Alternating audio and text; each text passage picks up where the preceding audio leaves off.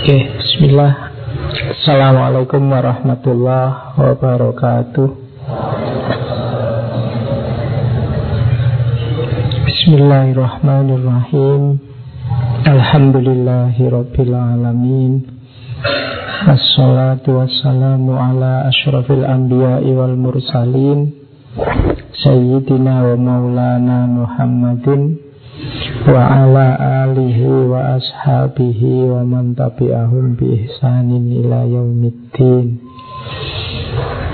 Bismillah kita mulai lagi kita lanjutkan lagi ngaji filsafat kita. Bulan ini masih di tema falsafah hidup Sebenarnya temanya lebih pasnya mungkin tentang fitrahnya manusia. Jadi kemarin kita minggu pertama tentang fitrah, minggu kedua juga tentang fitrahnya manusia yang secara niscaya butuh doa. Malam ini kita ngomong juga fitrahnya manusia yang namanya humor. Ya, jadi jangan salah ini fitrah di antara semua makhluknya Allah Satu-satunya yang bisa guyon, bisa tertawa itu manusia. Meskipun ada ayam tertawa Cuma kan itu saya sebenarnya yang tidak tertawa ya Bersuara biasa aja. Mbok tafsir itu kayak tertawa Karena mirip tertawamu. Nanti ada teorinya. Kenapa kok itu? Terus kamu sebut ayam tertawa itu jadi satu-satunya makhluk yang oleh Allah diberi anugerah bisa tertawa. Bisa lucu. Hewan kan juga ada yang lucu-lucu Pak. Tidak. Hewan lucu-lucu karena kamu bisa membaca secara lucu. Kuda itu meringkik, tapi kan kamu menyebutnya dia tertawa, Pak. Yang membaca kita. Jadi yang punya sense of love Love bukan yang love cinta Tapi love yang tertawa. Itu manusia. Jadi kalau pakai bahasa Inggris itu Di lidah itu sama. Antara cinta dan tertawa. Sama-sama love Jadi kalau orang bilang Kalau kamu nggak jeli Kalau ada orang bilang I love you Itu bisa Sebenarnya aku menertawamu. Bukan aku cinta padamu Oke kita bahas ya Coba ini jangan dibayangkan stand up ya Wong ini filsafat Iya, nanti kamu bayangkan wah humor ini mau ada stand up ya enggak. Wong kita belajar, malah mungkin malah serius ini nanti. Kita bahas humor secara serius. Jadi jangan membayangkan ada macam-macam nanti. Isinya ya filsafat. Nanti di dalam kita ketemu Immanuel kan, kita ketemu Plato, kita ketemu Schopenhauer, kita ketemu banyak nanti pandangan mereka tentang humor, tertawa. Jadi kalau di Yunani ya ada istilah kalau ada homo sapien, kalau yang tertawa namanya homo ridens. Jadi homo ridens itu manusia itu satu-satunya makhluk yang tertawa. Yang membedakan dengan semua makhluk yang lain. Oke, kita mulai ya. Kita buka dengan Nietzsche dari Wis Prag Zarathustra. You higher man learn to love. Ini di antara cirinya seorang Superman. Katanya Nietzsche adalah orang yang bisa merayakan hidupnya. Cirinya paling gampang apa orang yang merayakan hidupnya itu adalah orang yang tertawa dalam hidupnya.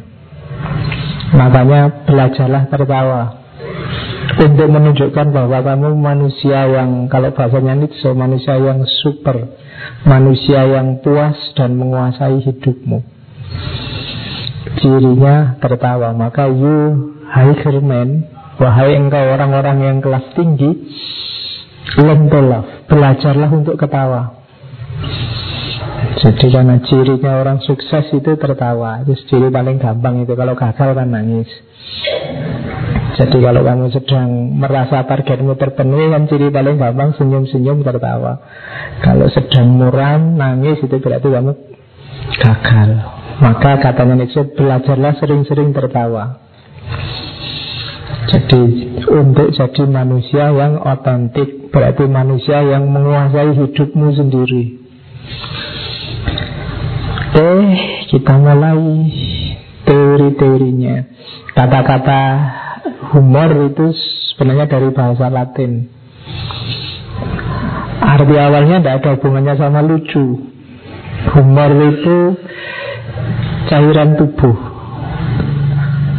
yang fungsinya untuk keseimbangan kesehatan manusia. Jadi awalnya itu Mungkin nanti ada hubungannya dengan Kalau kita tertawa itu ada hubungannya dengan keseimbangan mental kita. Mungkin ada pengaruhnya juga terhadap kesehatan jasmani kita. Makanya terus pakai istilah humor. Jadi bukan tumor loh ya humor. Meskipun itu isinya cairan. Jadi istilah ini dari bahasa Latin berhubungan dengan kesehatan dan emosinya manusia. Oke, kalau ini teori-teori kita lewati saja. Quote-nya di depan. Humor is the best. Ada cara nulisnya beda ya. Biasanya kalau model English yang native pakai U. Tapi yang American biasanya tidak pakai U. Humor biasa. Humor is the best way to make the The unbearable bearable Itu firmannya Mary N. Safir Ya, dawuhnya Mary N. ini penulis Humor adalah cara terbaik untuk membuat yang tidak tertanggungkan jadi tertanggungkan. Jadi dengan humor itu yang berat jadi ringan untuk dibawa. Jadi kalau ada temenmu menyuruhmu santai aja, nggak usah dipakai berat, itu jalannya sebenarnya humor. Jadi dibikin santai itu berarti ya anggap aja nggak serius, anggap aja humor. Kamu dimaki-maki orang, anggap aja itu guyon. Nah itu lebih enteng membawanya daripada kamu anggap serius. Kamu tidak punya duit, anggap aja ah, bercanda ini. Kok duitku habis? iya. Ya kan kamu lebih santai daripada tentang waduh duit entek santai aja. Kok bisa ya duitku habis? Dianggap santai. Itu humor. Dan ya, orang humor orang humoris itu kan enak, tidak ada yang bikin dia sedih. Ada yang unik kalimatnya Osho yang di kanan Osho ini spiritualis India yang punya Rajneesh movement. If you find a saint who has no sense of humor, then he is not a saint at all. Kalau kamu ketemu orang suci, yes, pokoknya semua jenis rohaniwan lah orang suci, kok tidak punya sense of humor, mungkin kaku, ngamuan, pokoknya isinya semua lah, ndak ndak usah guyu belas, then he is not sane at all.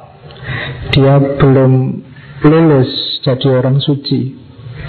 Jadi dia tidak sepenuhnya orang suci. Karena justru ada banyak rahasia hidup yang dalam itu adanya pada aspek humornya. Jadi makanya katanya Osho, kok ada orang suci rohaniwan tidak bisa tertawa, tidak punya sense of humor. Kalau diajak guyon malah marah-marah. Nah dia belum tuntas Kerohaniannya. Nah, Itu katanya usul Silahkan kamu cari sendiri contohnya. Ada juga Simon Wiesenthal. Simon Wiesenthal ini aktivis dari Austria.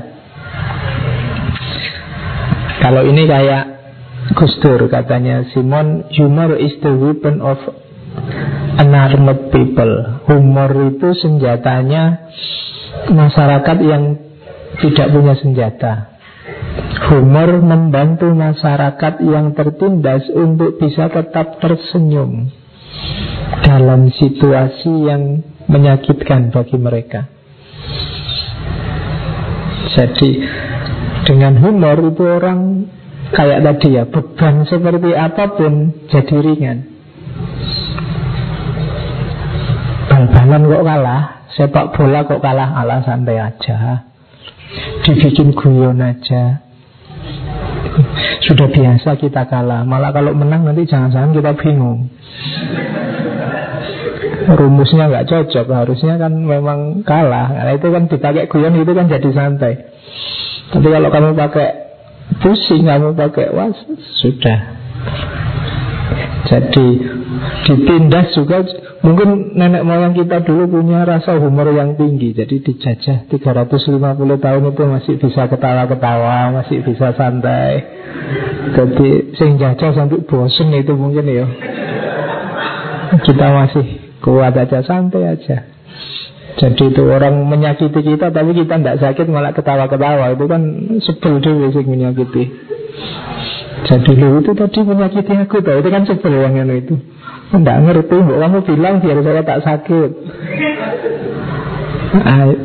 Di, Dibikin semacam ini hidup ringan.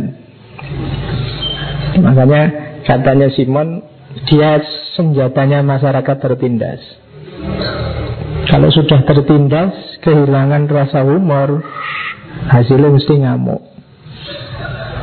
Karena panas. Oke, okay. life is too short to be serious all the time. Hidup ini terlalu pendek kalau kita mau serius terus.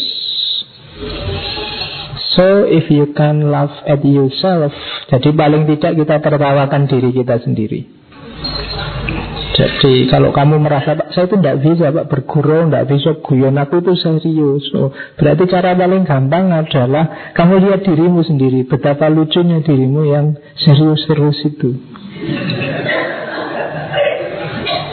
Nah, kalau itu pun nggak bisa ketawa, call me, I laugh at you. Jadi kalau semacam itu pun kamu nggak bisa ketawa Sekarang gantian aku yang menertawakanmu Nah itu quotesnya untuk menyuruh kita Yo, saya tidak tahu kamu pernah ngitung Tidak sehari ketawa berapa kali. Jarang yang Coba di, diperhatikan kamu. Jangan-jangan hidupmu sudah terlalu serius. Lu bapak hari ini saya belum ketawa. Tugas dosen nggak selesai-selesai pak. Misalnya Cari momen yang kamu bisa ketawa setiap hari. Nanti manfaatnya banyak Di belakang ada banyak uraian. Oke. okay. Saya lanjutkan. Itu tadi yang saya bilang ya Homo ridens Kalau Peter Berger menjelaskan Homo ridens itu manusia yang tertawa. Katanya Berger manusia itu hidupnya Aktivitasnya punya dua karakter.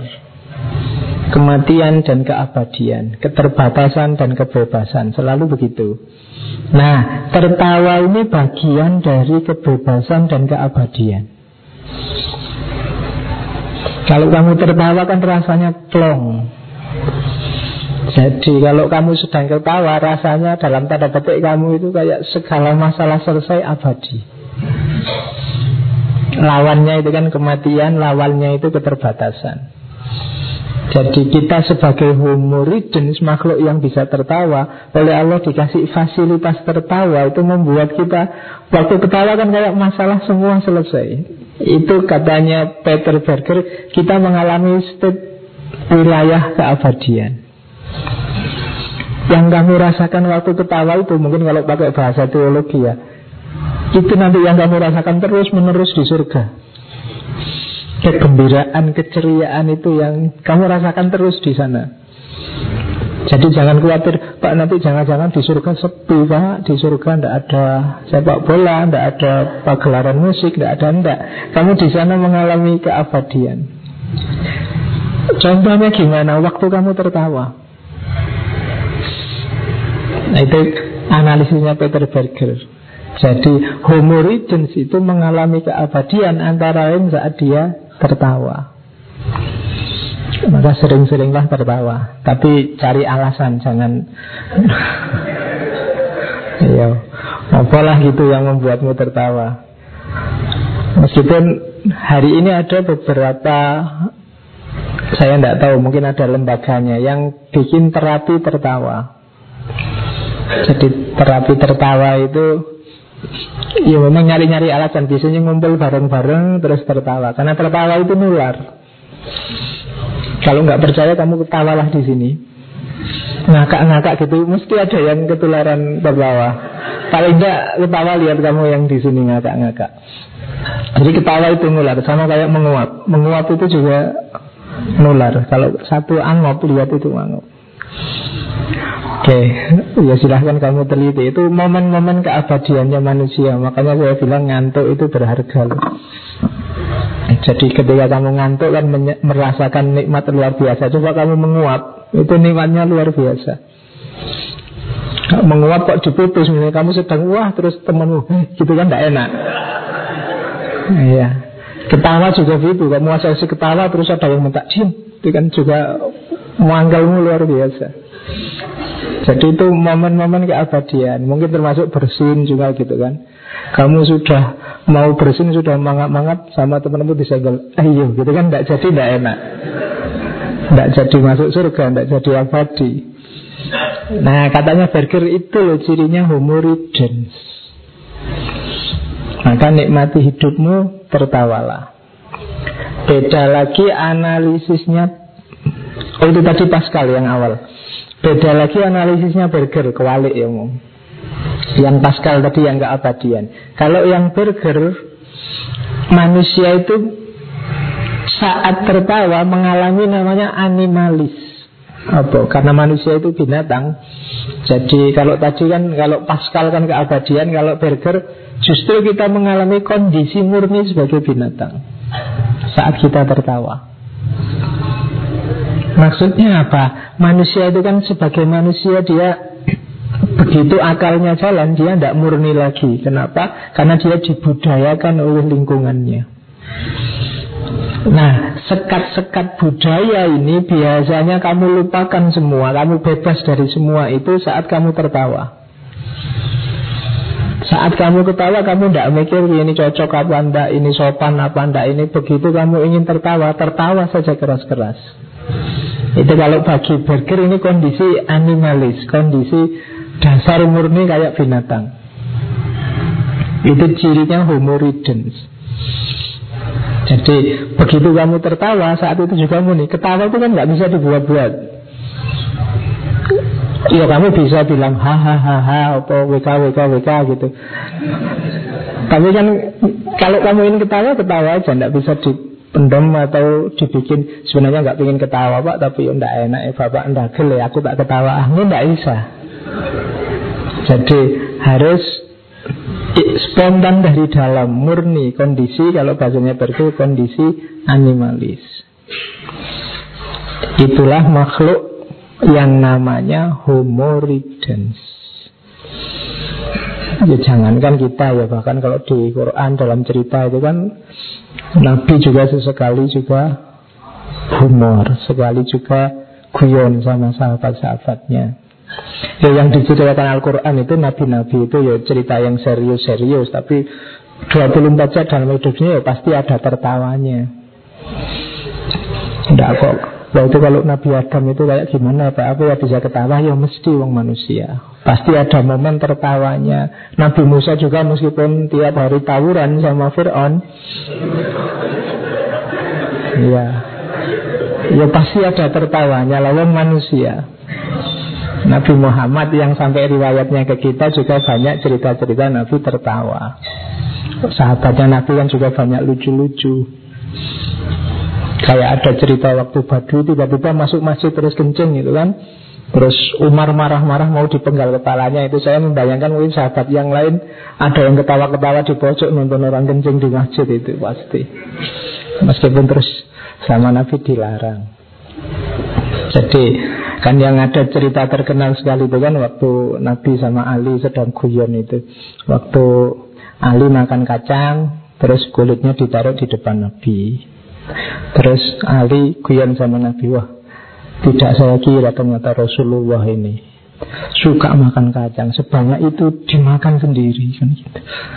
Terus Rasulullah jawab Iya, tapi saya masih mending. Kulitnya tak tinggal. Tak lihat kamu bersih kulitnya tidak ada. Iya.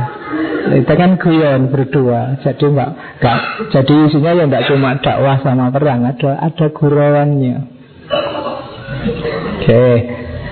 Kan ada cerita juga waktu nenek-nenek menghadap itu kan Mungkin karena ketemu Rasulullah Dia tegang. Terus wahai Rasulullah Saya doakan masuk surga dong. Kalau kayak saya ini kan Bisa enggak ya masuk surga? Terus Rasulullah ah, Enggak bisa nek. Nenek kan langsung shock itu Astagfirullah dosa apa aku? Kan gitu. Benda maksudnya bukan. Kalau nenek-nenek tidak bisa Besok jenengan di surga itu kembali muda lagi itu kan. Orangnya jadi seneng. Itu kan guyon jadi tidak kaku. Ada sahabat itu Rasulullah, saya ikut jenengan ya naik onta. Oh kalau kamu jangan naik onta, kamu naik anak onta aja. Ya Rasulullah apa ya kuat saya naik on, anak onta, ya naik onta. Loh ya onta itu kan dulunya juga anaknya onta. Jadi itu namanya guyon. Jadi tidak selalu tegang. Itu sisi-sisi manusiawi kita di antara fitrah-fitrah kita. Ya banyak cerita-cerita yang lain dari para ulama, para sahabat yang menunjukkan bahwa mereka manusia. Momen-momen animalis, momen-momen keabadian. Terus belum ketemu. Tiga komponen humor itu secara umum yaitu wit, myth, sama laughter ada kejenakaannya, ada keriangannya, kegembiraannya, ada gelak tawanya. Wit itu sebenarnya lebih ke kecerdasannya. Cuma tidak sekedar mengeluarkan gagasan cerdas, tapi juga ada myth. Myth itu lucu. Jadi jangan dikira orang mau pelawak itu tidak menggunakan akalnya Dia butuh Kalau kita kan bisanya ngomong lurus apa adanya Mereka harus membelokkan. Biar lucu itu namanya made Biar lahir yang ketiga Laughter. Kurang satu saja Tidak akan jadi humor. Tidak ada witnya Ya orang tidak akan paham. Kalau tidak ada witnya ya Aku ngomong apa tuh ya? Gak paham, tidak jadi ketawa. Tidak ada mythnya juga tidak akan ketawa. Tidak ada mythnya itu berarti Ya ada sih yang diomongkan Cuma tidak lucu. Nah itu berarti Belum jadi humor Belum jadi komedi. Baru laughter. Ada witnya, ada mythnya. Kok tidak ada laughternya pak? Ya berarti tidak sukses humormu. Kamu sudah capek-capek nyari yang lucu-lucu, lucu nggak? Enggak. Nah itu kan tidak sukses berarti lucumu. Ya mungkin lucunya tidak lucu itu. Ya. Oke, okay. karena ada itu kan kadang kamu teman gitu maunya ngelucu terus kita bengong aja. Lucunya di mana? Enggak tahu juga. Karena ada yang kayak gitu itu berarti tidak wit, tidak myth, tidak laughter. Jadi tidak unsur kecerdasannya belum muncul, unsur jenaka yang menimbulkan keriangannya belum muncul, maka tertawanya juga belum muncul. Jadi komponen ini pasti ada. Ini istilah yang sering kita pakai, sense of humor. Setiap orang harusnya punya ini Meskipun mungkin kadarnya beda-beda. Sense of humor itu wilayahnya tiga. Yang pertama Conformist sense Conformist sense itu kesamaan. Kesamaan maksudnya conformist sense itu gini loh. Ketika kamu mengeluarkan humor Itu temenmu ngerti kamu humor tentang apa dan dia bisa paham kalau bisa begitu berarti kamu punya sense of humor. Tapi kalau kamu capek bikin humor kayak tadi temenmu, kamu tuh ngomong apa tuh ya? Maunya lucu ya? Kok aku tidak paham-paham? Itu berarti tidak ada conformist sense Nggak nyambung atau mungkin orang mikirnya harus lama dulu baru Oh itu tuh ya lucu-lucu Tapi telat Ya itu ndak ndak konformis Itu wilayah pertama. Yang kedua Quantitative sense. Kalau quantitative sense ini Orang dianggap punya sense of humor Itu antara lain parameternya Seberapa sering dia tertawa dan tersenyum. Seberapa mudah dia bisa digembirakan Jadi kalau ada orang Ini jadi lucu loh Yang lain ketawa Dia tidak ketawa Bengong aja. Itu termasuk kategori Mungkin sense of humornya kurang. Jadi selain tadi pemahaman yang sama juga Mudahnya dia senyum, mudahnya dia gembira. Mudahnya dia menangkap humor. Itu sense of humor Aspek kuantitatif sense jadi kelihatan orang sense of humor itu ngomong apa aja bisa jadi guyonan. Atau dia kalau ada temennya guyon kayak apa aja dia bisa ketawa keras-keras.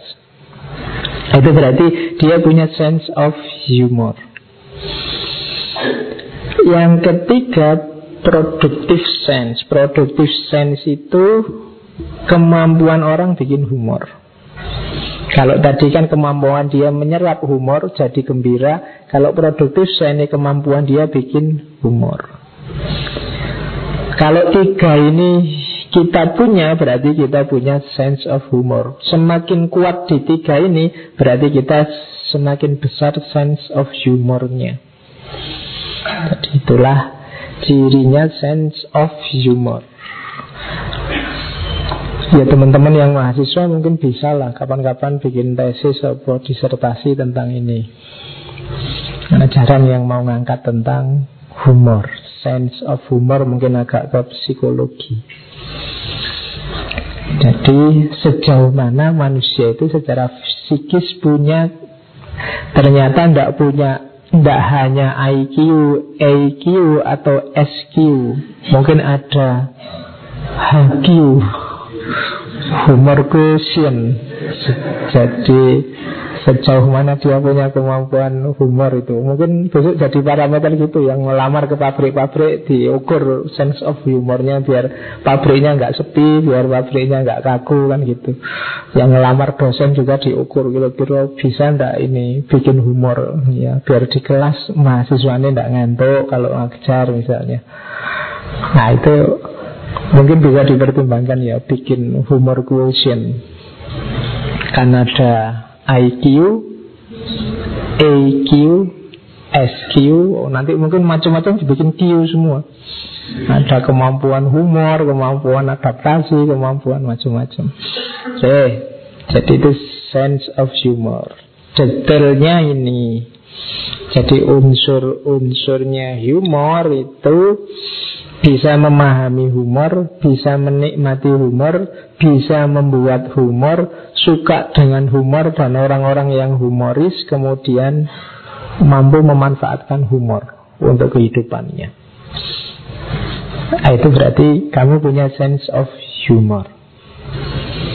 Jadi mudah memahami, mudah menikmati, bikin sendiri juga bisa, suka dekat dengan orang-orang yang humoris, menyukai humor, kemudian bisa memanfaatkan humor untuk kehidupan praktis sehari-hari.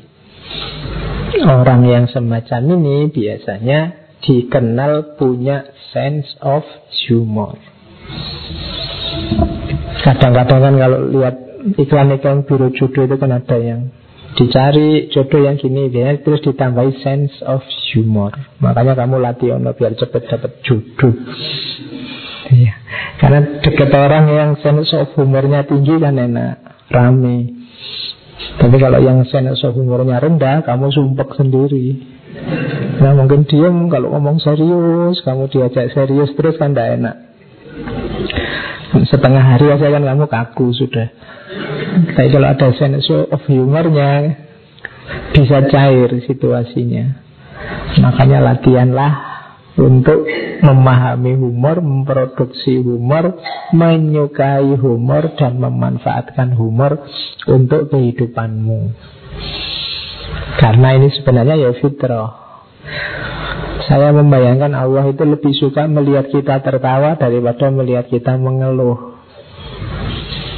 Kalau Allah melihat kita tertawa itu mungkin Allah lega. Alhamdulillah ya manusia tak kasih fasilitas macam-macam. Sekarang mereka gembira. Dibandingkan melihat kita mengeluh Terus Allah juga sumpek. Iya kan? Dikasih apa lagi Ini? Sudah Semua fasilitas sudah diberikan kok ya Masih mengeluh terus Oke Makanya ajarkan ini sense humor. Rasulullah kan dikenal juga mudah tersenyum. Karakternya namanya basam. Basam itu kelihatan selalu senyum. Tidak merengut. Orang lihat tidak takut.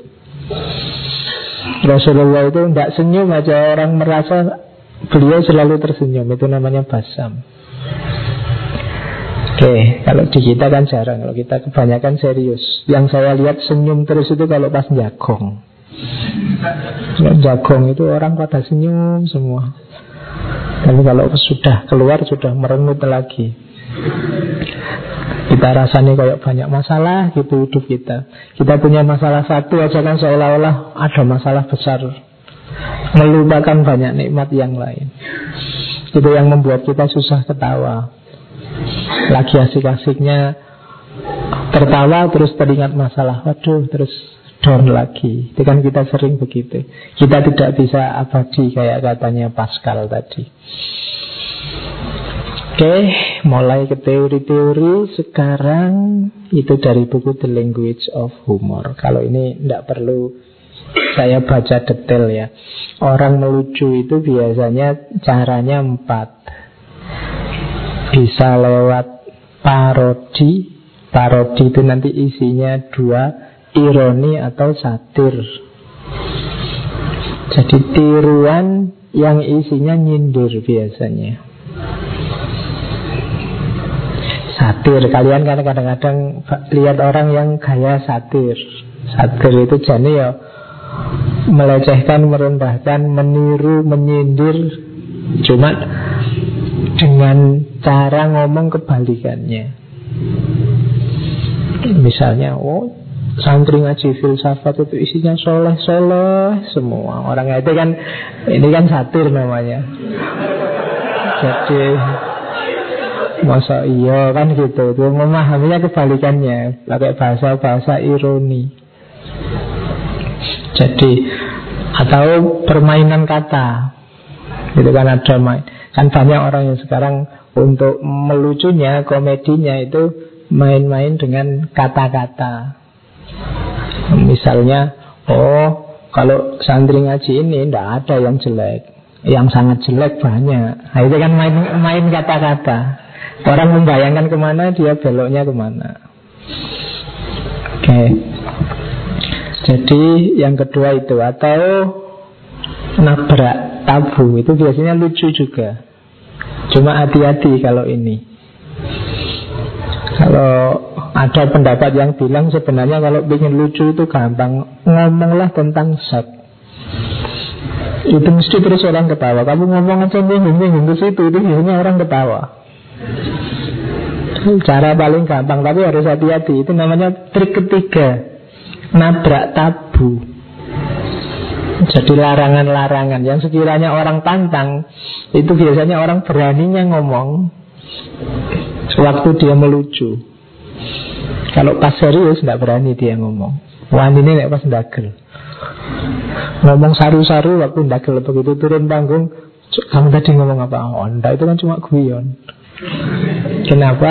Ini nak ini ragam humor itu memang antara lain begitu nabrak tabu-tabu yang dalam kondisi normal tidak berani ngomong, beraninya lewat humor. Kadang-kadang kan agama juga gitu kan. Termasuk eh, apalagi itu adat-adat tradisi kita ngomong. Nah itu gaya ketiga. Jadi orang itu kalau ingin melucu antara lain pakai gaya itu. Atau gaya keempat? Gaya keempat ini observasi. Melihat fakta-fakta lucu Di lapangan Terus diceritakan. Itu gaya keempat. Jadi kalau kamu susah Mengarang sendiri Menyambung-nyambungkan dengan yang lucu-lucu Kamu cari aja di sekelilingmu yang Fakta-fakta lucu.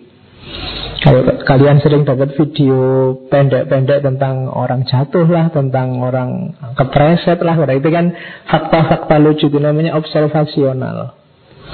Jadi mungkin kamu tidak bisa memproduksi sendiri, bisamu kamu cuma share, nah, kamu cari fakta-fakta lucu diceritakan atau dibagikan, disarekan ke orang lain. Itu trik yang keempat. Kalau yang pertama sama yang kedua, kamu butuh cerdas, yang ketiga kamu butuh berani mati. Ya Karena ini nabrak tabu. Tapi ya lucu Kalau kehabisan bahan biasanya orang lari yang ketiga ini Paling gampang. Atau yang keempat Kalau yang keempat ini kamu butuh tekun Untuk nyari, dicermati data yang banyak dari masyarakat. Misalnya nyari yang pakai sarung terus kamu observasi itu yang pakai sarung pakai daleman lah misalnya kayak kayak gitu loh. Jadi observasional. Jadi ada empat ragamnya humor. Kalau ini fungsinya jangan salah humor fungsinya banyak yang pertama jelas menggembirakan jadi ini primernya ini membuat gembira, membuat ceria. Yang kedua katarsis. Katarsis itu semacam pembersihan dari kesumpekan, dari keruwetan hidupmu, dari jadi pelampiasannya antara lain lewat humor. Kalau kamu pas lagi di kamar sendiri sumpah gitu kan keluar ketemu teman saling bergurau itu kan lebih ringan beban hidupmu itu namanya nyari katarsis atau kalau tidak bisa bikin humor sendiri mungkin kamu buka-buka internet buka-buka YouTube untuk nyari yang lucu-lucu. Itu kan sebagai apa? Katarsis. Pembersihan. Jadi hidupmu ya jangan serius terus Karena ini yang di dalam ini sumpeknya sudah numpuk Maka bersihkan itu. Namanya lewat katarsis. Yang ketiga Defense mechanism Defense mechanism itu mekanisme pembelaan diri kadang-kadang misalnya yang muda-muda pinginnya ngeritik pinginnya apalagi tidak puas dengan situasi sekelilingnya Cuma ngomong langsung tidak berani. Kalau ngomong langsung bisa bonyok kita, misalnya. Jalannya gimana? Humor. Jadi membuat orang kalau humor itu kan orang tidak berani balas dendam ke kita, wong wong humor kok. Misalnya defense mechanism itu kamu humor apa? Ada pejabat naik mobil kecelakaan, supirnya segarota terus Pejabatnya gimana? Pejabatnya selamat Loh kok bisa? Kan pejabatnya tidak mungkin gegar otak Wong dia apa punya otak misalnya Loh Ya kan Kayak gini ini kan orang tidak berani marah-marah Oh ini cuma humor kok Pak kan gitu Cuma Sumpahmu kamu lampiaskan di Humor Orang tidak berani ngeritik sudah Kalau sudah humor itu kan Oh iya wong itu guyon kok Kadang-kadang kan kita gitu, ngeritik-ngeritik sama enggak, itu cuma guyon kok Pak. Begitu kita ngomong ini cuma humor, ini cuma gurauan kok. Ya sudah. Makanya kapan itu saya lihat ada video stand up comedy di depan DPR. Itu kan isinya yuk mengkritik DPR habis-habisan. Tapi DPR ya ketawa-ketawa saja karena dia tahu kenapa itu humor. Itu namanya defense mechanism. Jadi dengan itu kita selamat. Nah, itu kan enak. Misalnya kamu nembak pacarmu, kamu mau nggak sama aku? Kok kamu berani nembak? Anda ini guyon kok.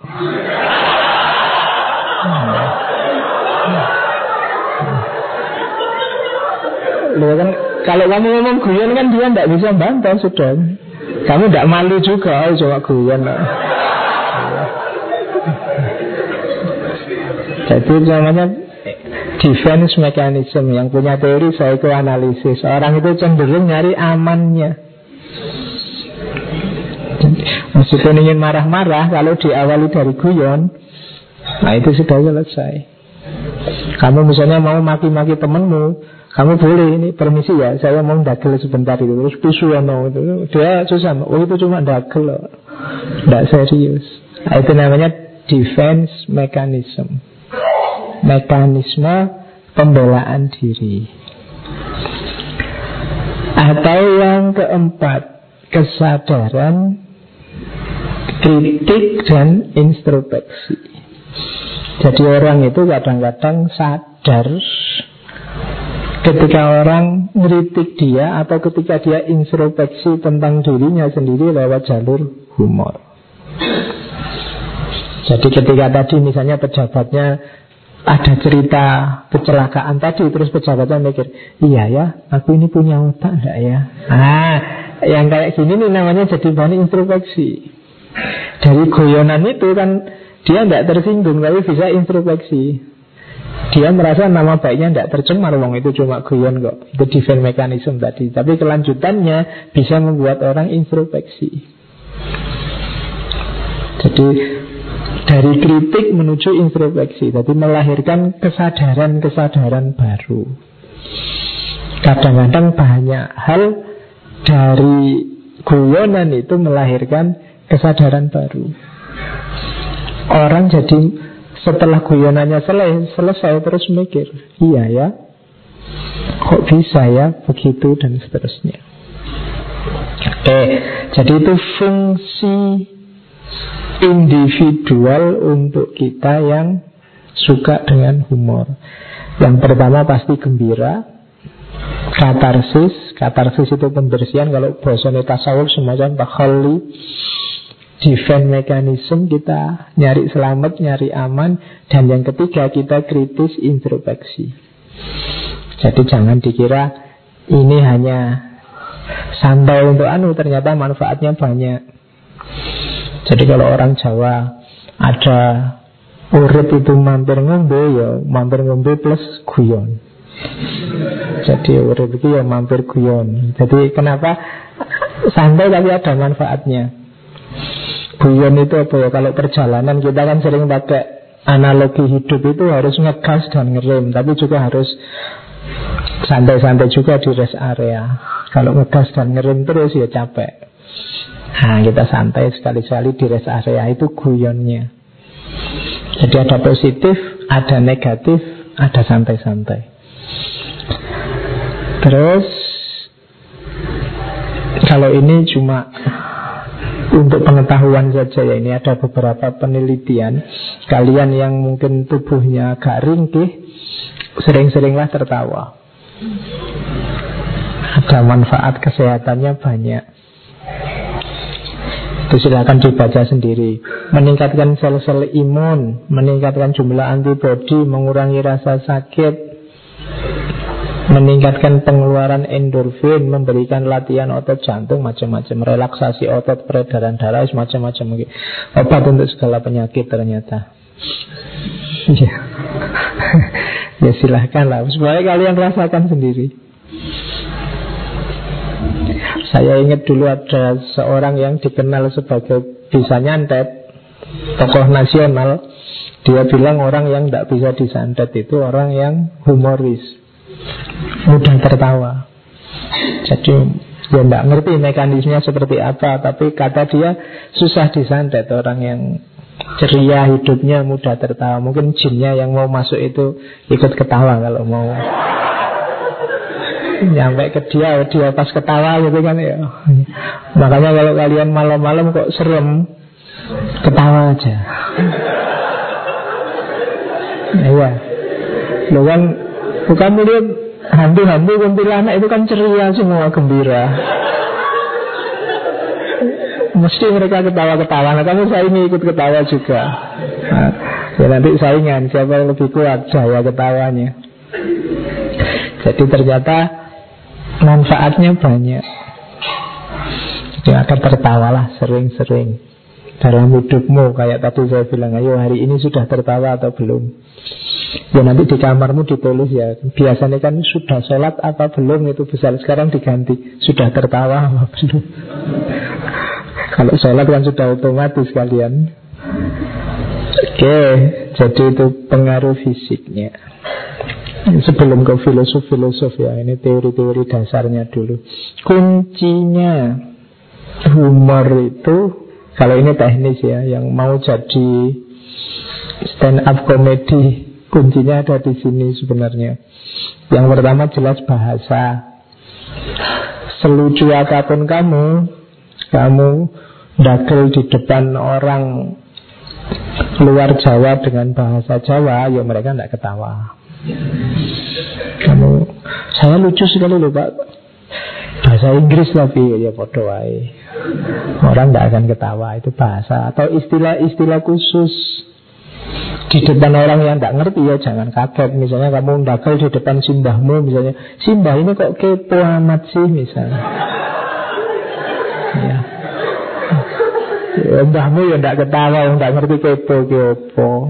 Panganan opo. Kuncinya ya kalau kamu mau bikin humor ya lihat situasinya. Jadi nanti kamu pak temen nggak ngerti filsafat kamu pakai humor filsafat. Menurut Nietzsche misalnya. Apa Nietzsche itu?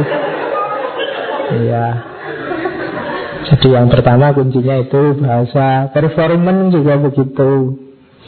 Kan kayak tadi ada temenmu kan ada yang mau performanya jelek mau humor dia ketawa sendiri dulu panjang terus baru bikin humor. Temennya sudah hilang momennya sudah. Nah itu performan namanya pinter-pinter ngatur ritme. Kalau mau bikin orang tertawa. Jadi itu performan performan itu nanti ada hubungannya dengan sense of humor tadi. Performan itu ada orang yang lihat wajahnya aja orang sudah ketawa. Kan ada kayak gitu kan. Kamu lihat dagelan-dagelan itu yang ngomong menjiwa itu Dia baru keluar aja orang sudah ketawa duluan. Belum dagel itu orang sudah ketawa Nah kalau kamu punya teman kayak gitu oh, Itu aset itu. Kamu lihat wajahnya saja sudah ketawa? Aset yang luar biasa. Konteksnya Dilihat situasinya. Situasi sedang apa? Orang sedang tegang bela sungkawa Ya jangan dagel di situ. Oh, Orang sedang sumpek apa Ya ya tidak nyambung. Daripada kamu capek Dia tidak akan ketawa. Lihat situasi, lihat konteksnya. Hati-hati juga distansi atau resepsi psikologis. Ada orang-orang yang tidak suka ketawa Tidak suka dagel, hati-hati. Misalnya kamu dagel dia sudah mencurang sudah nunggu kamu. Begitu kamu selesai dagel tidak lucu. Susah sudah atau kamu dagel lesat dia tidak suka dagelan itu jadi kamu harus ngerti itu. Alah saru misalnya. Dia tidak akan ketawa. Itu jarak resepsi psikologis. Jadi kalau orang psikologinya sudah terrepresi Kamu selucu apa pun dia tidak akan tertawa. Pacarmu yang sedang patah hati Terus kamu hibur Kamu pakai dagelan kayak apa Mungkin dia tidak ketawa Kenapa psikologinya sedang terrepresi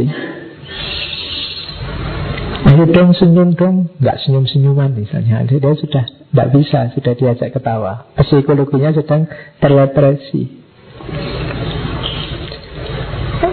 Yang kelima juga kesegaran. Ini juga kunci bagi yang karirnya stand up comedian atau tukang humor Hati-hati yang terakhir ini. Kalau kamu ngulang-ulang Selucu apa pun diulang lagi ya Tidak ada yang ketawa. Originalitas Kalau dosen tidak apa-apa diulang-ulang. Wong ya bukan profesinya Tapi ya perhatikan kesegaran Oh, ini kunci-kuncinya. Oke, kita mulai dengan filsafatnya sekarang. Itu tadi pengantar ya, biar tahu dunia humor itu seperti itu. Nah, sekarang mulai seriusnya.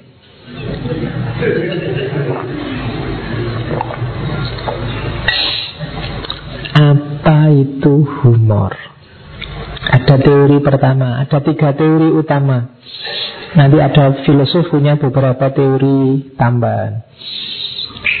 Ada yang namanya superiority theory. Superiority theory itu humor adalah ketika orang merasa superior, lebih baik, lebih sempurna. Kemudian melihat yang lain lebih rendah, lebih jelek dari dia. Kemudian direndahkan, diketawakan. Itu namanya superiority theory. Kalian saya tadi ngasih contoh kan ada orang naik motor terus jungle itu kan kamu terus ketawa. Itu sebenarnya superiority theory. Jadi kalian merasa superior. Ada orang jelek karaokean, itu kan kamu terus ketawa. Karena kamu merasa lebih cakep dari dia. Itu superiority theory. Jadi humor itu lahir dari rasa superiormu. Makanya yang lebih superior biasanya lebih bisa bikin humor. Saya di depan kalian mungkin lebih lancar ngomongin macam-macam Tapi kalian pas di depanku kan tidak bisa. Kamu mungkin merasa inferior di depanku. Kamu mungkin tidak bisa Dagal-dagal di depanku panjang lebar gitu. Kenapa? Ada rasa inferior. Superiority theory itu Humor itu muncul dari rasa superior Makanya humor itu kan banyak kan yang isinya melecehkan orang, isinya merendahkan orang, terus jadi lucu, yang lain ikut ketawa. Oke, okay. dasar wajahmu kayak eh, terus yang lain ketawa. Oke, okay. tubuhmu kayak ini ya, itu terus yang lain ketawa. Itu superiority theory namanya. Orang itu ternyata menganggap lucu apa-apa yang kurang sempurna. Sementara dia menganggap dirinya sendiri lebih sempurna. Makanya kadang-kadang kalau di lawak-lawak dagelan itu terus pakai baju aneh-aneh, pakai baju jelek-jelek, pakai kostum yang unik-unik itu yang badut-badut itu kan jelek. Kan tidak ada badut itu yang tetenya kayak artis Korea itu kan tidak ada itu jelek dibikin mulutnya besar dibikin kenapa superiority theory jadi kelucuan itu lahir dari rasa superior. Itu teori pertama tentang humor. Ada teori kedua. Teori kedua ini incongruity theory. Incongruity theory itu teori tentang ketidaksetaraan. Jadi lucu itu dari mana? Lucu itu dari perubahan yang tiba-tiba. Kayak tadi permainan kata itu golongannya lucu. Apa ya? Permainan kata itu misalnya gini kalian bilang, Pak, saya itu sebenarnya rajin loh Pak. Lah, kok kamu nggak pernah masuk? Loh, saya itu rajin bermalas-malasan Pak. Oh. Itu kan permainan kata. Ini saya tidak malas kok Pak Ini saya anu sedang energi saving Sekarang kita harus hemat energi Pak Jadi saya tidak banyak-banyak mengelola energi Ini permainan kata Orang mengira disimpulkan apa Tapi kamu simpulkan kebalikannya Itu namanya incongruity theory Gak nyambung pakai akalmu Mana ada kok Rajin kok rajin untuk bermalas-malesan itu loh Itu kan gak nyambung dari situ terus muncul kelucuan-kelucuan. Oke. Okay.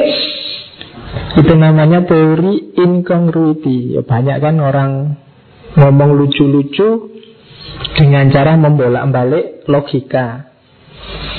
Terus Tertawa terjadi karena harapan yang dikacaukan Sehingga seseorang dari satu sikap mental Dilontarkan ke sikap mental yang sama sekali berlainan Harusnya ini terjadi itu kamu tidak naksir aku, aku tidak naksir kamu, berarti kita jodoh dong. Nah, itu kan nyambungnya ke situ. Podo-podo orang nyambungnya kan itu mikirnya mikirnya jadi kacau. Itu namanya incongruity theory. Jodoh itu kan harusnya podo naksir, sekarang dibalik, podo gak naksir dianggap jodoh. Itu kan orang terus jadi kaget, terus tertawa. Nah, itu yang kedua namanya incongruity theory. Terus ada yang ketiga Relief theory Relief theory ini kayak tadi ya Dia jadi katarsis. Pelepasan dari ketegangan. Pelepasan dari ketegangan itu Hidup ini sumpek Banyak larangan Banyak aturan Dikekang-kekang. Jalan keluarnya apa? Humor. Santai aja, nggak usah dianggap susah. Misalnya Kamu punya pacar suka ngatur-ngatur. Itu kan harusnya Oh pacarnya posesif. Tapi enggak, terus dibikin guyon. Biar bebas untuk menertawakan pacarmu Terus kamu bilang, wah saya punya pacar ini. Kok suka ngatur ya? Harusnya dia jangan dipanggil pacar Tapi dipanggil aja coach misalnya. Ya ya jadi kalau pacaran kalau bukan halo yang halo coach gitu, nanti. Itu. Dengan ini kan kamu lega puas. Wah katanya rasa ngelawan. Sekarang diajak guyon gitu bisa sekarang kita ngelawan. Itu namanya relief theory. Dengan humor kamu bisa Oh lega aku. Kalau marah-marah langsung Tidak pakai humor mesti Susah ini Mesti uh, Terus kamu lakukan relief teori. Ini tiga teori utama Dalam humor. Ada relief teori Incongruity Sama superiority. Oke, kita masuk sekarang ke pikirannya para filosof. Jangan salah, para filosof Yunani awal banyak yang tidak terlalu positif memandang humor. Termasuk para filosof awal. Plato dan Aristoteles. Katanya Plato, humor itu dalam kenyataannya sering kali melahirkan perilaku yang tidak rasional. Orang yang berlebihan, nah, kalau ini mungkin kita setuju ya, karena apa-apa kalau berlebihan itu jelek. Humor itu penting, tertawa itu penting, tapi kalau seharian kamu ketawa terus nggak ngapa-ngapain, ya masalah berarti. Jadi Katanya Plato, orang yang berlebihan dalam humor akan kehilangan kontrol atas dirinya sendiri. Bahkan di Republik itu Plato punya kalimat para guardian, guardian ini polisi, tentara kalau hari ini ya, harus menghindarkan diri dari humor yang berlebihan. Dia harus fond of laughter. Jadi orang-orang ini karena kalau terlalu banyak guyon, polisi kok guyon terus misalnya, nanti kalau waktunya dia harus serius, kehabisan waktu. Jadi humor itu boleh, tapi jangan kebanyakan katanya Plato, karena dia sering melahirkan tindakan, kalau itu bahasanya tindakan bodoh dan buruk. Kalau dia berlebihan. Nah, Terus Plato melanjutkan Kenapa sih dia menyebut dia humor itu tidak bagus Katanya Plato Humor itu membuat orang self-ignorance Self ignorant ini lawannya kontemplasi, lawannya introspeksi. Jadi membuat orang tidak peduli dengan dirinya. Jarang orang humor itu tentang dirinya kan dia selalu ngomong rendahnya orang lain atau bedanya orang lain dengan dirinya. Katanya Plato, orang itu sering self-ignorant kalau sudah melakukan humor. Contohnya apa? Dalam humor itu, orang ganteng misalnya, dia bisa jadi bahan ejekan. Orang jelek juga, juga bisa jadi bahan ejekan. Baik atau jelek, diejek. Nah, terus harusnya yang mana? Tidak tahu ya wong guyon kok. Itu orang jadi apa? Salah ignorant. Lah terus yang benar yang mana? Orang gundul diketawain, orang rambutnya panjang diketawain. Lu enaknya gimana? Rambut cepak pak, cepak ya diketawain juga nanti. Kalau orang mau mengetawain itu apa aja bisa diketawain. Nanti hidungnya panjang ya disebut hidung panjang kayak botot. Hidung pesek juga, wah hidungnya pesek. Kayak, nah itu Loh, yang bagus terus yang mana? Orang jadi self-ignorance. Bibir tipis juga diketawain, bibir tebel apalagi. Gitu kalau bahasanya Plato self-ignorant. Apa yang tidak diketawain terusan? Kalau semuanya kita ketawakan, nah kita susah memahami diri kita sendiri nanti. Kalau apa-apa dicari sudut lucunya Kayak tadi kan Dicari sudut tidak pentingnya Dicari kejutan logikanya Nanti yang lurus-lurus Jadi tidak kelihatan. Nah itu dawuhnya Plato begitu. Dia tidak terlalu positif melihat humor Tapi boleh. Yang tidak boleh memang Yang terlalu berlebihan. Apa-apa itu kan kalau berlebihan memang jelek yang tidak boleh yang membuat munculnya self ignorance. Jadi ketidakseriusan dalam hidup. Itu yang melahirkan perilaku buruk dan bodoh katanya Plato. Oke. Yang kedua ada Thomas Hobbes.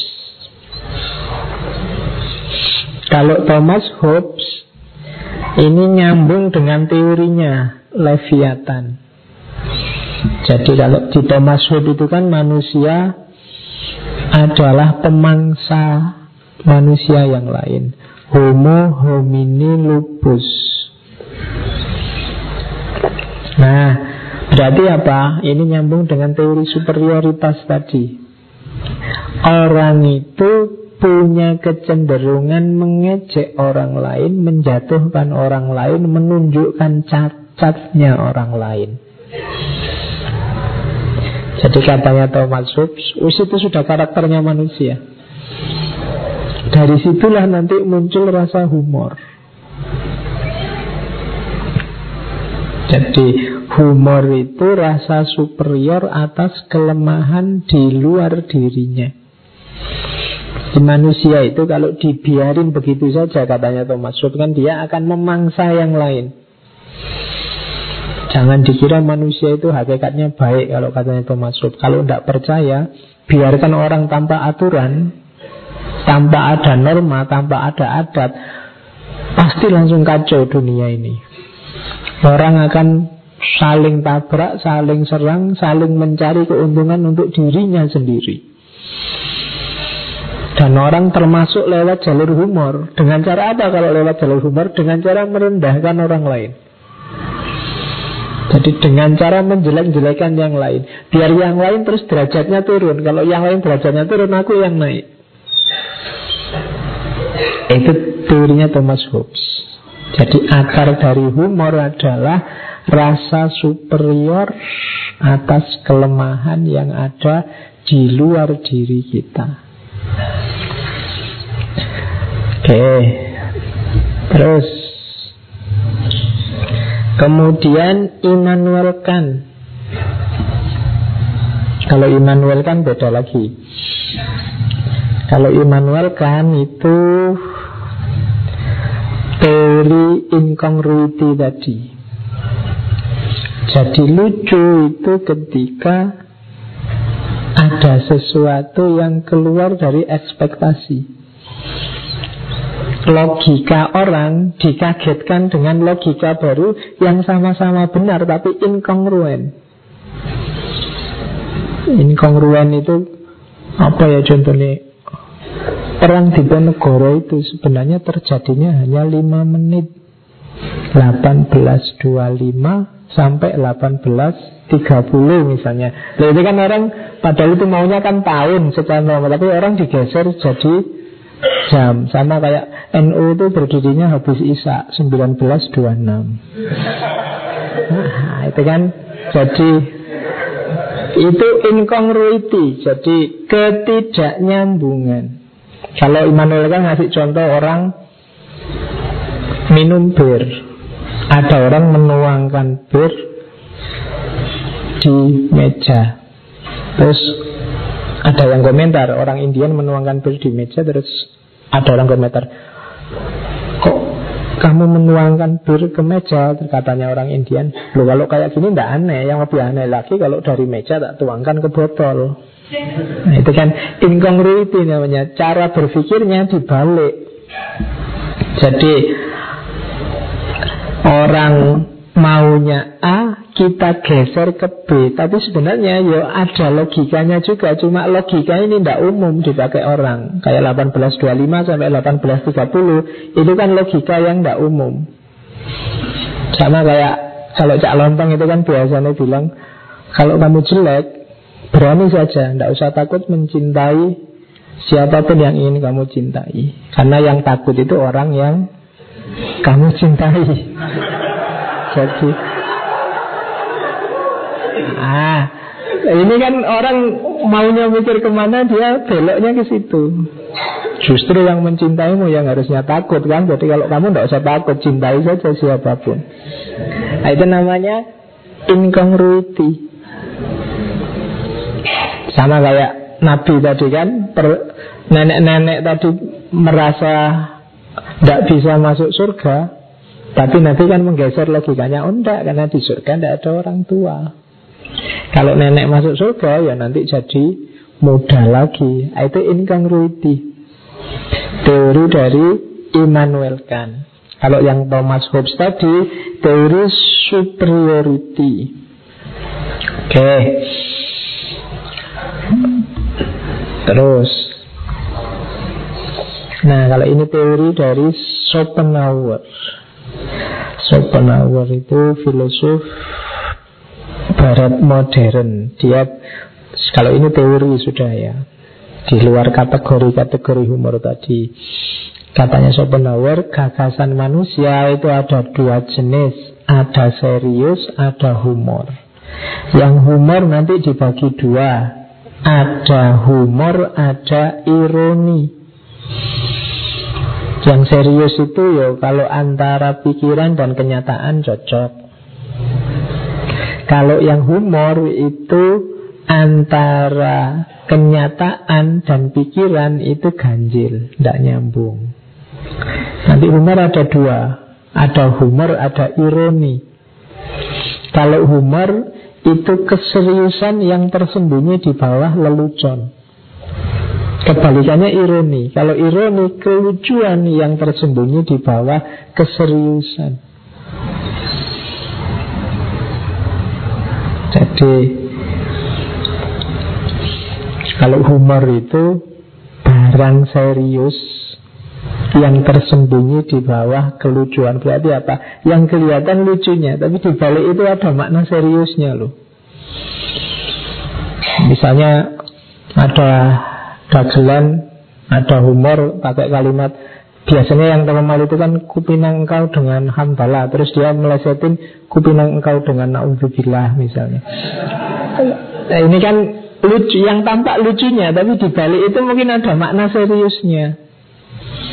Entah mungkin makna seriusnya terpaksa nikah kah atau makna seriusnya apa. Tapi kan yang kelihatan lucunya ini namanya humor.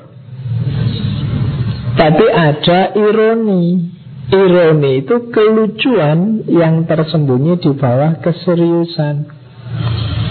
Sama kayak teori absurditasnya Albert Camus kemarin. Itu kan hidup itu paradok. Nah, paradok itu berarti apa? Lucu. Kenyataannya begitu, ya seriusnya begitu. Tapi yang serius hidup itu justru lucu. Kita Misalnya kita harus kerja serius. Kenapa harus kerja serius? Biar bisa rekreasi, biar bisa santai-santai. Nah, Itu kan paradok Hidupnya terus jadi lucu. Mbak kalau pengen santai-santai sudah nggak usah kerja Langsung santai-santai aja kan. Selesai. Ngapain pengen santai aja? Nggak kerja dulu baru santai-santai. Ini namanya hidup ini paradok Itu kan lucu. Jadi kelucuan yang tersembunyi di balik keseriusan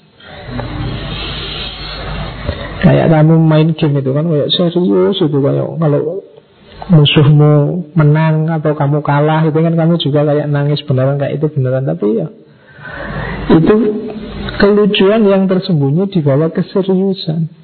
Kamu kayak serius tapi ya sebenarnya lucu. Kayak kemarin waktu apa wes film Avengers yang terakhir itu orang nonton film mulai jam 6 pagi 24 jam nonton film Terus berarti ngantrinya itu mulai sebelum subuh. Itu kan lucu Tapi fakta. Itu namanya ironi. Padahal ya kenyataannya mungkin Gak begitu harusnya. Tapi kita jalani itu Itu namanya ironi. Nah katanya Schopenhauer Itu bedanya humor sama ironi. Kalau ironi itu faktanya nyata Cuma fakta ini lucu. Kalau humor itu yang kelihatan lucunya, tapi di balik yang lucu itu ada keseriusan yang harus kita kejar maknanya. Itu bedanya humor sama ironi. Kalau yang serius, ya serius. Filsafat-filsafat itu isinya serius. Ah, kalau ini Sartre. Kalau katanya Sartre, humor itu adalah jalan untuk mengobjekkan orang lain. Jadi Sartre ini punya pandangan bahwa manusia itu punya kecenderungan ingin eksis sendiri besar, tidak mau diatur, ditata, apalagi dipengaruhi oleh orang lain kehadiran orang lain kalau bagi Sartre yang eksistensialis ini kan mengancam keberadaanku. Orang jadi tidak bebas karena kehadiran orang lain itu kan Sartre. Padahal misalnya ini hawanya agak sumuk Harusnya saya pakai tak copot aja bajuku Bila perlu pakai kaos saja Tapi karena ada kalian kan aku tidak jadi Nyopot baju, nyopot kaos. Kalau tak copot beneran nanti kamu bubar. Nah, kehadiranmu menghalangi kebebasanku. Maka katanya Sartre, orang lain itu adalah neraka. Hell is other people.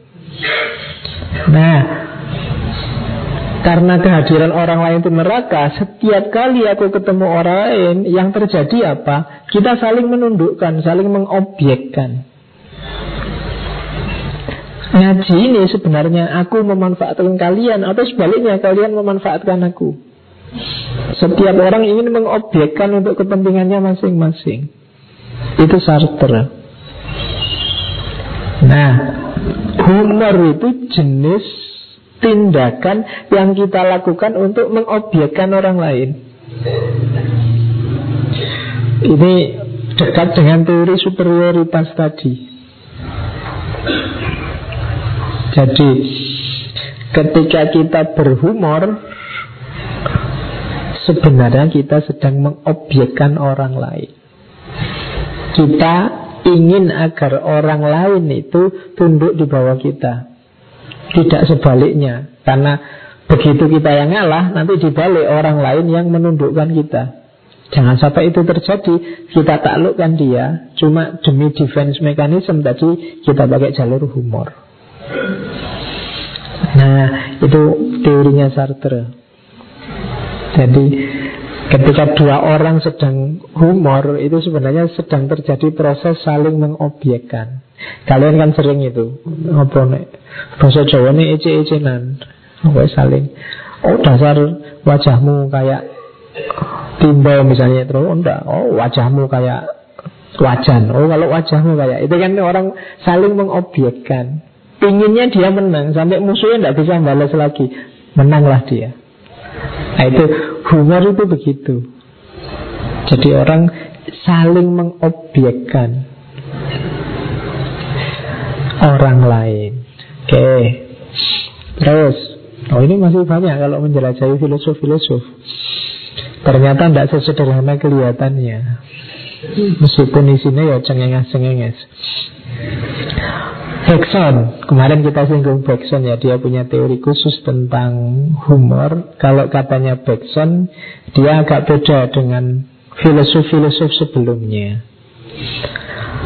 Kelucuan itu katanya Bergson adalah ketika orang melenceng dari fitrah vitalitasnya. Manusia itu vital. Manusia itu punya kemerdekaan, punya kebebasan, punya kedalaman. Tapi banyak orang yang hidupnya mekanis. Mekanis itu kayak robot. Di situlah nanti lahir kelucuan. Bahannya humor itu dari situ katanya Beckson Ketika orang yang dituntut vital, dituntut hidup apa lurus sebagaimana fitrahnya, tapi terus dia gayanya kayak bukan manusia. Lucu itu ketika manusia kayak binatang, lucu itu ketika manusia kayak mesin, lucu itu ketika manusia kayak tumbuhan, itulah bahannya lucu. Jadi itu namanya human automata. Kan banyak kita yang kayaknya kayak tumbuhan. Kayak, kayak tumbuhan itu ya makan, minum, tiba-tiba tinggi aja. Itu kan tiba-tiba besar. Nah itu sumber kelucuan di situ. Bahannya dagelan itu di situ. Atau kayak binatang. Atau kayak mesin. Manusia modern itu kan sekarang kayak mesin. Sekarang di kampus-kampus itu ada absen. Sekolah-sekolah juga absen Kemudian itu kan apa-apa jadi mekanis diatur oleh mesin, manusianya terus ya kayak robot. Dia tidak vital lagi. Di situlah sumbernya kelucuan, katanya Henry Bergson.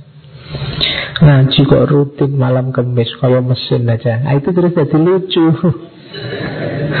Emangnya tidak bisa diganti malam Jumat, minggu depan malam minggu kan ya bisa. Nah, tapi terus katanya sumbernya kelucuan itu situ. Kalau ditanya kenapa sih ngajinya kok harus malam kemis, ya jawabannya mungkin bisa seribu satu.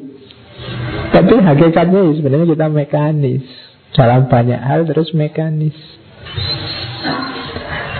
Oke, terus sekarang kita pelajari ontologi humornya Bergson. Katanya Bergson, yang pertama itu saya bilang di awal tadi Hanya manusia yang lucu. Makhluk yang bukan manusia Tidak ada yang lucu.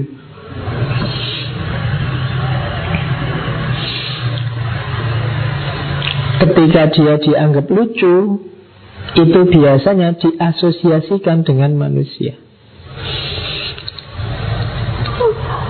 Binatang, monyet misalnya kita anggap monyet itu lucu karena kita asosiasikan dengan manusia.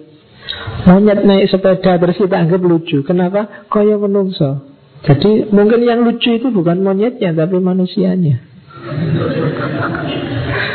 Yang ya kita asosiasikan binatang itu dengan manusia. Pakai payung gitu kan. Lu binatang kok pakai payung ya? Kayak manusia aja kan gitu. Padahal manusia kalau maki-maki kan pakai Kayak monyet aja kan Harusnya kebalik kayak manusia aja. Karena yang kita asosiasikan Itu justru bukan kok lucunya monyet Tapi monyet kita bandingkan dengan manusia. Makanya terus jadi lucu. Anjing ini ya setia sekali. Itu kan kita bandingkan dengan manusia. Apa-apa kita bandingkan dengan manusia. Katanya Bergson Hakikatnya kelucuan itu Ada dalam diri manusia Bukan dalam diri yang di luar manusia Jadi manusia Itu kan kalimatnya Bergson itu What is properly human is comic Jadi apa yang secara asli, secara sejati karakternya manusia itu ya yang kelucuan. Jadi manusia itu satu-satunya yang bisa tertawa juga bisa ditertawakan dan bisa menertawakan dirinya sendiri. Itu ontologi humornya Bergson, teori pertama. Jadi hanya manusia yang lucu. Tidak ada makhluk lain yang selucu manusia. Makanya kalau ada film lucunya negeri ini misalnya Itu sebenarnya yang lucu bukan negerinya Manusianya. Lumba-lumba kok lucu sekali ya bisa ngitung. Itu yang lucu manusianya. Lumba-lumba kan cuma Nepuk-nepukkan ekornya. Kita yang membandingkan dengan manusia. Wah, bisa mikir ya berarti lumba-lumba. Itu kayak kita mengasosiasikan dengan manusia. Jadi yang lucu, punya fitrah kelucuan itu manusia. Justru jadi terbalik kalau manusia tidak vital lagi. Tidak vital itu berarti apa? Kehilangan etos kelucuannya. Dia jadi kayak mesin, dia kaku. Tadi ya teorinya Bergson human automata. Ya manusia itu ya Ya rajin tapi sekali-sekali bolos Itu lucunya Ya tekun tapi kadang-kadang juga kelihatan males. Nah, Itu lucunya manusia gitu. Ada ada vitalitasnya Tidak kayak mesin. Dan itu karakter manusiawi Bukan lagi karakter mesin. Ketika manusia jadi mesin di situ dia jadi lucu. Yang kedua, nah kalau ini hipotesisnya Bergson. Manusia yang lucu tadi basisnya apa? Akal, intelektual, bukan emosi. Justru kalau pakai emosi mungkin jadi tidak lucu. Kayak tadi lihat orang jatuh Terus kan kita ketawa. Kenapa kita ketawa? Kita pakai akal. Kalau pakai hati kita tidak ketawa. Kasihan ya, kan sedih gitu. Kayak kamu nonton film itu loh. Kamu nonton film itu kan kalau lagi sedih ikut nangis, lagi lucu ikut ketawa, lagi perang ikut tegang. Nah itu yang main sebenarnya bukan hati, tapi inteleknya. Jadi kalau pakai emosimu yang sejati, Mungkin malah kamu nonton film bunuh-bunuhan Tidak ikut tegang Biasa aja itu film Tidak usah tegang Itu tidak mati beneran Itu pura-pura itu. Tidak nah, enak kan kamu nonton filmnya. Nanti nonton film seru-seru Alah itu permainan komputer Tidak ada yang asli. Nah ya Tidak enak kamu kan akhirnya apa-apa jadi tidak enak. Harus mengambil jarak. Sama, kelucuan juga begitu. Intelektualitasnya jalan, emosinya tidak usah dipakai. Justru kalau terlalu banyak pakai emosi, biasanya terus tidak jadi lucu. Kita empati, tidak jadi lucu.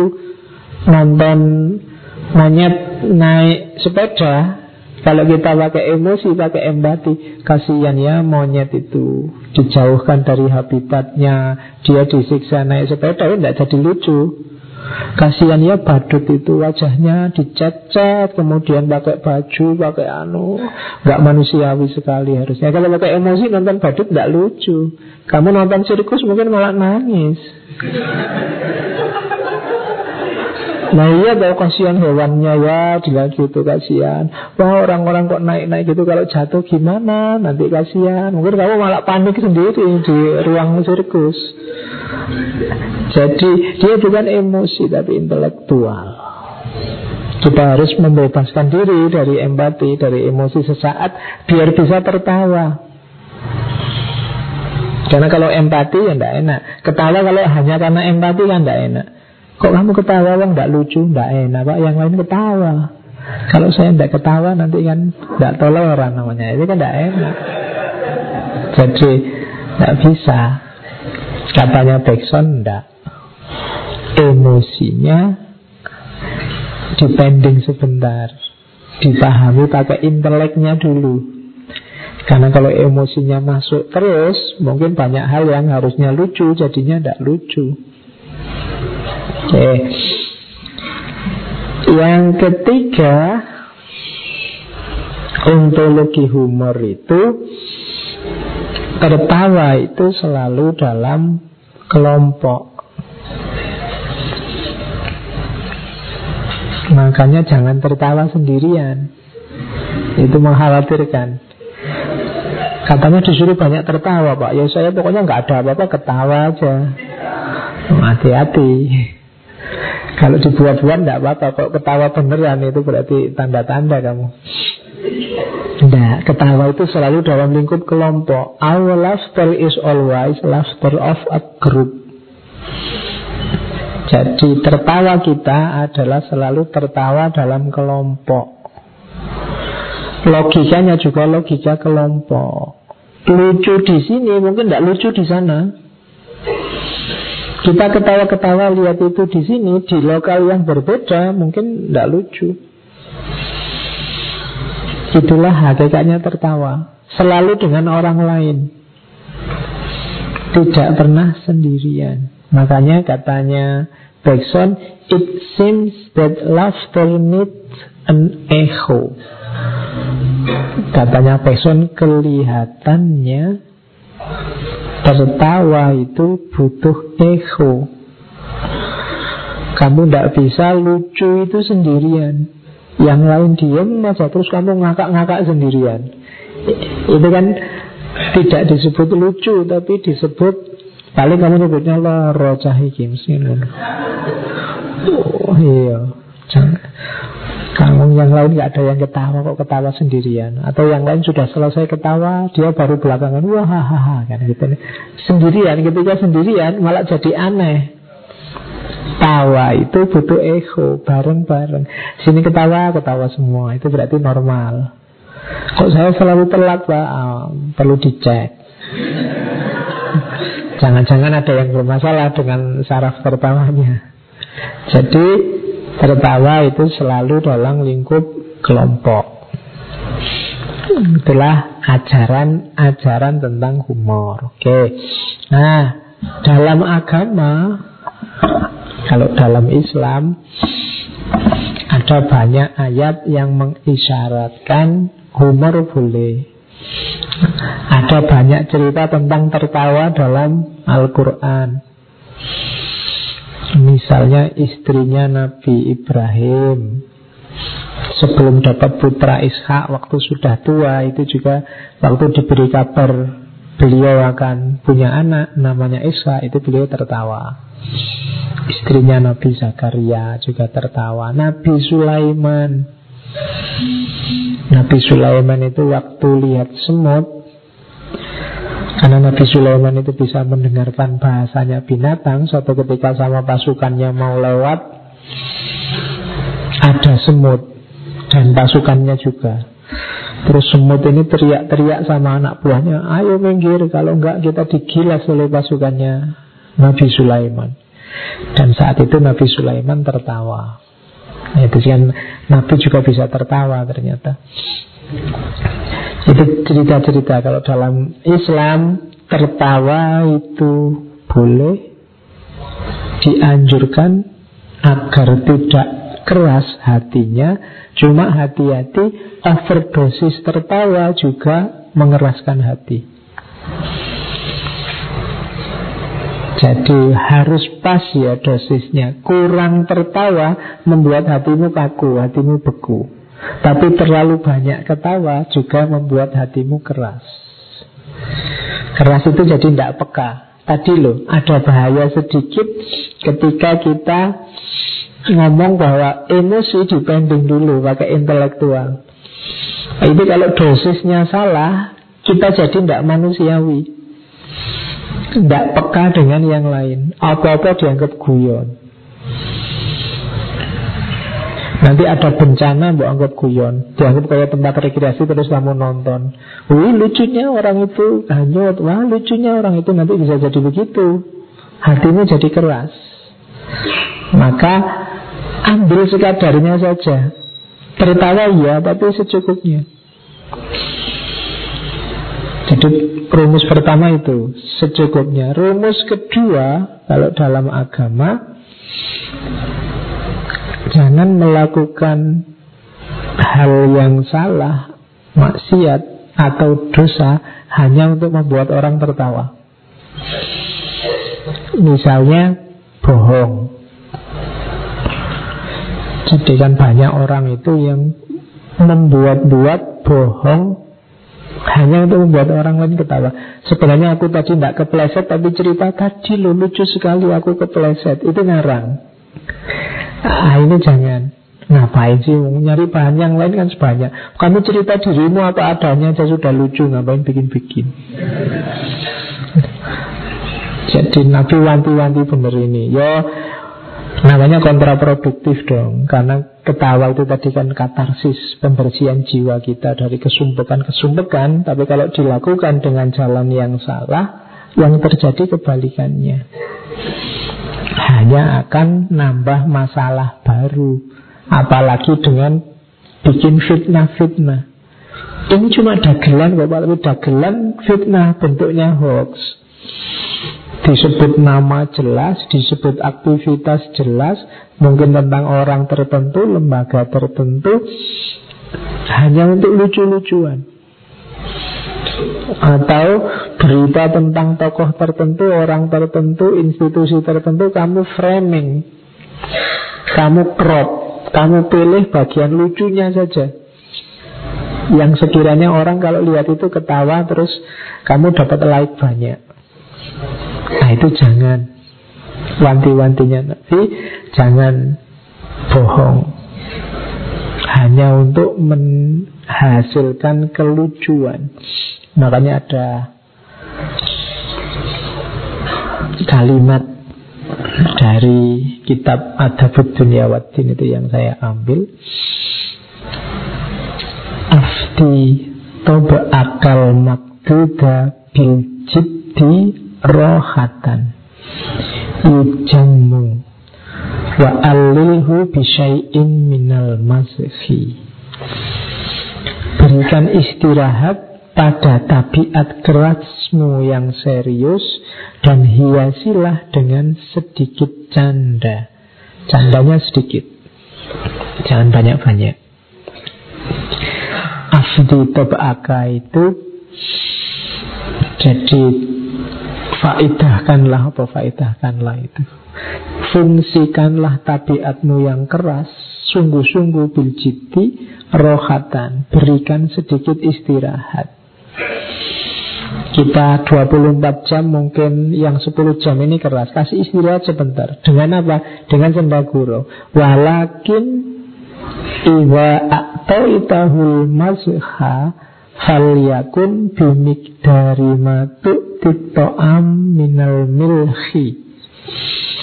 Tetapi jika engkau memberikannya sendagurau Candaan Falyakun bimikdari matu am minal milhi Jadikanlah, berikanlah sekedar engkau memberikan garam Milah itu garam Memberikan garam pada makanan.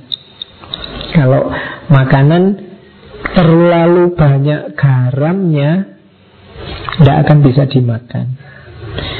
Kurang garam juga tidak enak.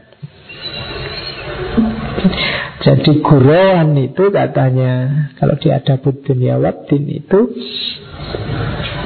Gurauan itu kayak Garam pada makanan Berikan secukupnya saja. Kalau terlalu banyak garam, makanannya terbuang, nggak dimakan. Misalnya ngaji ini dari awal sampai akhir tadi isinya stand up comedy, guyon terus. Kamu pulang, ya kamu dapatnya cuma ketawa di sini, tapi pulang nggak dapat apa-apa. Itu kayak makanan yang terbuang. Kenapa? Terlalu banyak garam. Di forum ini kamu ceria, tertawa-tertawa, tapi pulang nggak dapat apa-apa. Kenapa? Terlalu banyak garamnya. Sama kayak makanan. Makanannya bagus, tapi karena terlalu banyak garam, rasanya tertutupi oleh garam. Jadi bergurau oke, okay, humor oke, okay, tapi jangan overdosis, pas dosisnya. Ada hadis riwayat Abu Dawud itu yang saya bawa. Saya lupa dulu ini pernah juga saya sampaikan, entah sesi apa.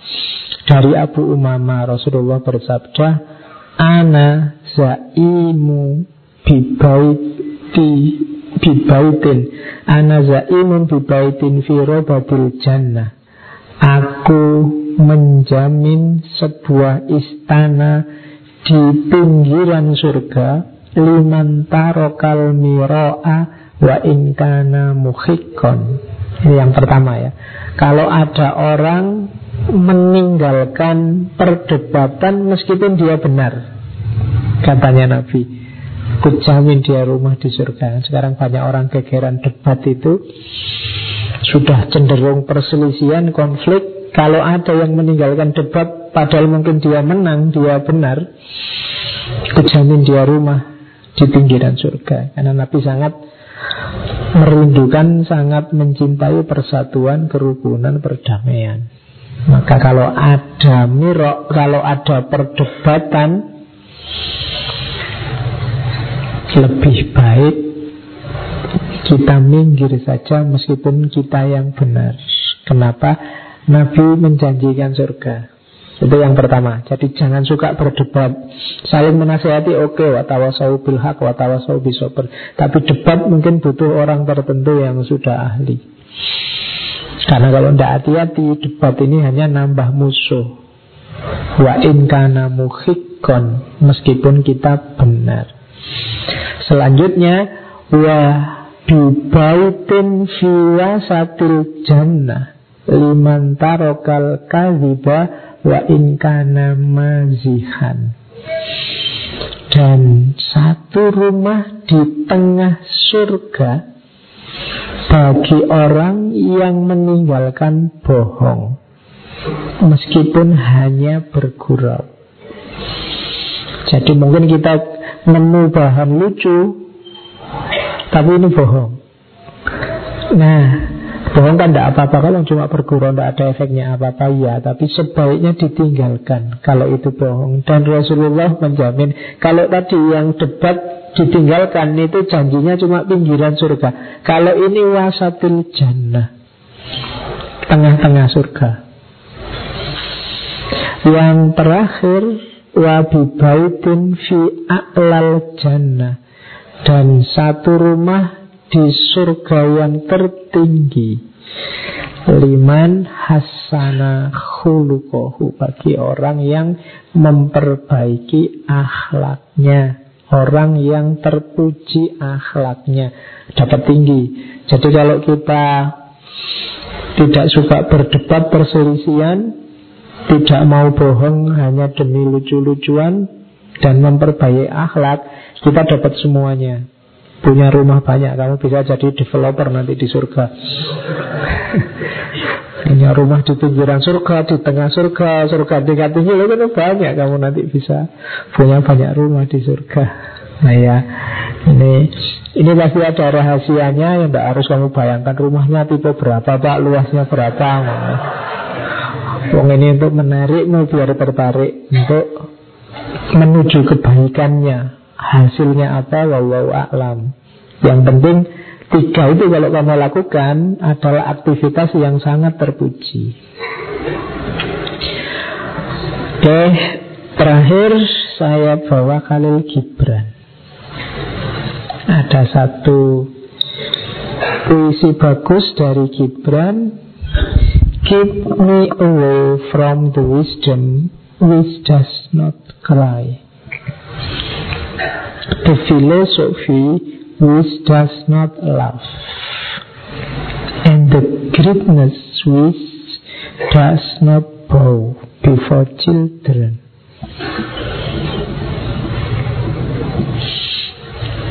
Ya, ini pesannya Khalil Gibran di salah satu puisinya. Menjauhlah dari kebijaksanaan yang tidak menangis. Kebijaksanaan yang tidak menangis itu kebijaksanaan yang cuek, tidak peduli situasi sekitarnya.